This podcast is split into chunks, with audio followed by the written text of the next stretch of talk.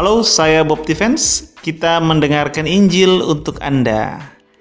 Dan hari ini kita masih melanjutkan pembahasan kita minggu ini Senin sampai Jumat terkait dengan satu tema Allah memperkenalkan dirinya atau Allah menyatakan dirinya. Kita masuk pada bagian yang keempat, perjanjian kedua. Kalau yang kemarin kita bahas perjanjian pertama, maka hari ini kita membahas perjanjian kedua. Allah menyatakan dirinya melalui dua perjanjian, yaitu perjanjian yang pertama dan perjanjian yang kedua. Dan pada perjanjian yang pertama kita sudah lihat kemarin bahwa Allah menyatakannya kepada sebuah bangsa melalui seorang pemimpin yang bernama Musa. Dan perjanjian yang kedua ini Allah menyinggungnya, bukan menyatakannya, menyinggungnya. Kemudian Allah memberitahukannya sebelum waktunya, yaitu semacam nubuatan atau ramalan tentang adanya perjanjian yang kedua ini, perjanjian yang dibaharui ini. Pada zaman Nabi Yeremia Kemudian Nabi Mika juga ada menyatakan sedikit uh, tentang seseorang yang akan datang nanti. Kemudian beberapa nabi yang lain juga melihat hal yang sama. Tapi semua nabi ini tidak melihat dengan jelas, hanya melihat setitik uh, sesuatu di masa depan terkait dengan perjanjian yang kedua ini.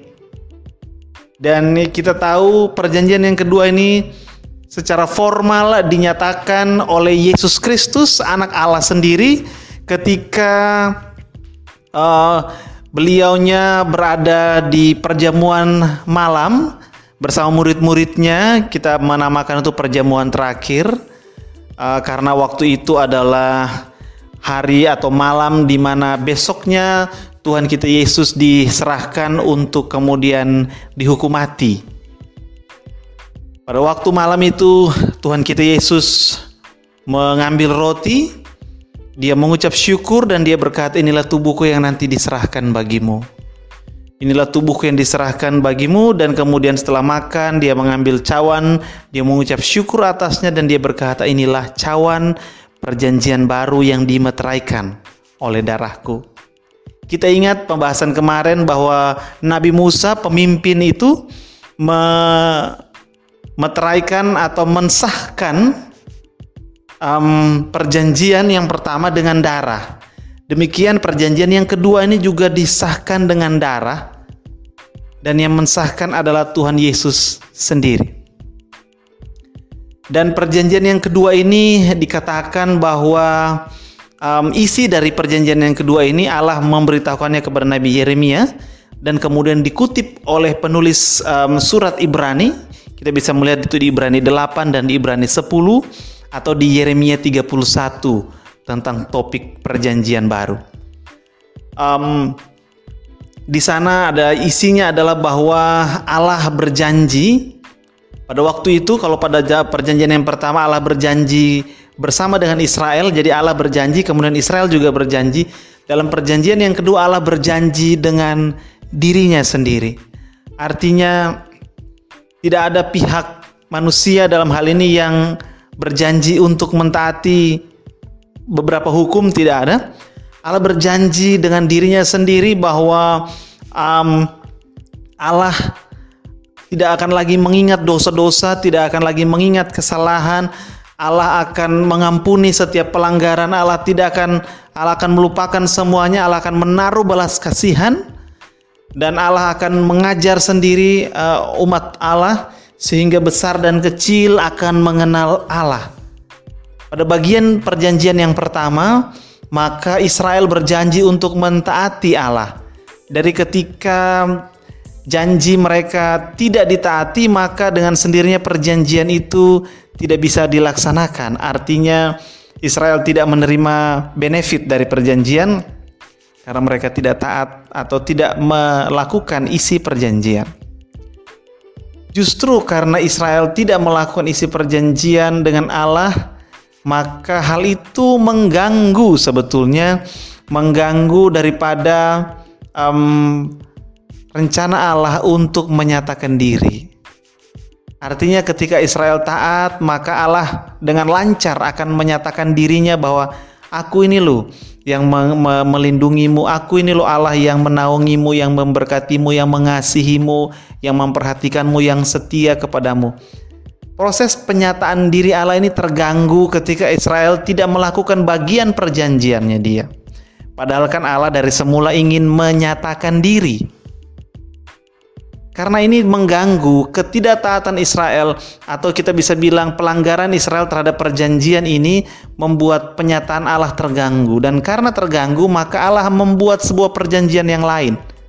Demi penyataan dirinya, demi perkenalan dirinya kepada manusia itu tetap bisa berlangsung dengan baik. Maka beberapa orang mengatakan ini perjanjian yang dibaharui. Kenapa dibaharui?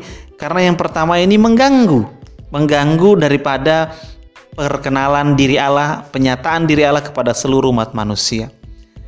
Dengan perjanjian yang baru, perjanjian yang kedua yang dimeteraikan oleh darah Yesus, maka di sana tidak ada poin perjanjian bahwa manusia harus mentaati Allah. Tidak ada poin perjanjian itu. Karena sebelumnya manusia dalam hal ini bangsa Israel berjanji untuk mentaati Allah sementara kita tahu kenyataannya mereka tidak mentaati Allah sehingga tidak tidak perjanjian itu tidak bisa dilakukan atau tidak ditaati tepatnya. Perjanjian yang kedua isinya hanya satu arah. Allah berjanji bahwa Allah akan eh, kesalahan-kesalahan masa lalu umat manusia akan dihapus. Kesalahan-kesalahannya tidak akan diingat-ingat. Justru hati manusia yang tadinya tidak ingin mentaati perjanjian, Allah bilang aku akan mengubah hati itu. Aku akan mengganti hati dengan hati yang baru. Aku akan memberikan ada sebuah kerelaan hati untuk bisa berjalan bersamaku. Aku akan mengajar mereka, aku akan menyatakan diri kepada mereka secara pribadi di dalam hati mereka. Kalau yang pertama ini uh, ber, uh, levelnya adalah sebuah bangsa, Allah menyatakan diri melalui aturan sebuah bangsa, melalui tata cara ibadah sebuah bangsa, kalau yang perjanjian yang kedua ini uh, seolah cakupannya memang lebih luas, tetapi implikasinya uh, kepada masing-masing pribadi, aplikasi kepada masing-masing pribadi. Artinya bukan lagi aturan sebuah bangsa, tapi ini setiap hati akan diubahkan Allah. Allah akan mendatangi satu demi satu demi satu, walaupun cakupannya lebih luas daripada sekedar sebuah bangsa, karena ini mencakup seluruh umat manusia. Dari situ kita lihat bahwa perjanjian yang kedua ini bukan hanya berlaku bagi Israel saja. Karena ketika Yesus mati di salib, maka Yohanes mengatakan di Yohanes 1 ayat yang ke-11, ia datang kepada milik kepunyaannya yaitu Israel, umat perjanjian, tetapi milik kepunyaannya tidak menerima dia. Tetapi orang-orang yang menerimanya diberinya kuasa supaya menjadi anak anak Allah. Artinya siapa pun yang menerima perjanjian yang kedua ini, maka dia masuk ke dalam perjanjian. Siapa pun yang menerima. Itu yang dimaksud Yohanes, yang menerima dia akan menjadi anak-anak Allah. Artinya siapa pun berarti seluruh umat manusia punya kesempatan yang sangat terbuka untuk masuk ke dalam perjanjian yang kedua ini.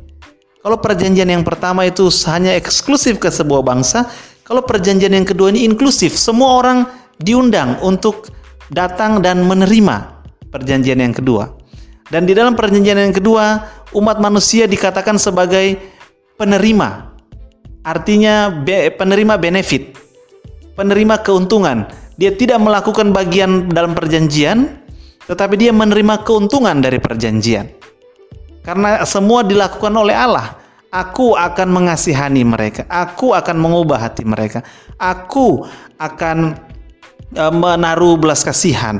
Aku akan mengampuni kesalahan mereka. Aku akan mengajar mereka. Aku akan menyatakan diri. Aku akan menjadi Allah mereka. Mereka akan menjadi umatku.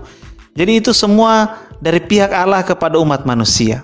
Pada perjanjian yang kedua ini, Yesus mati di salib untuk memeteraikan semua. Artinya ada pengampunan Allah di sana dan kita lihat uh, pada episode besok kita akan lihat lebih detail lagi mengenai perjanjian yang kedua ini.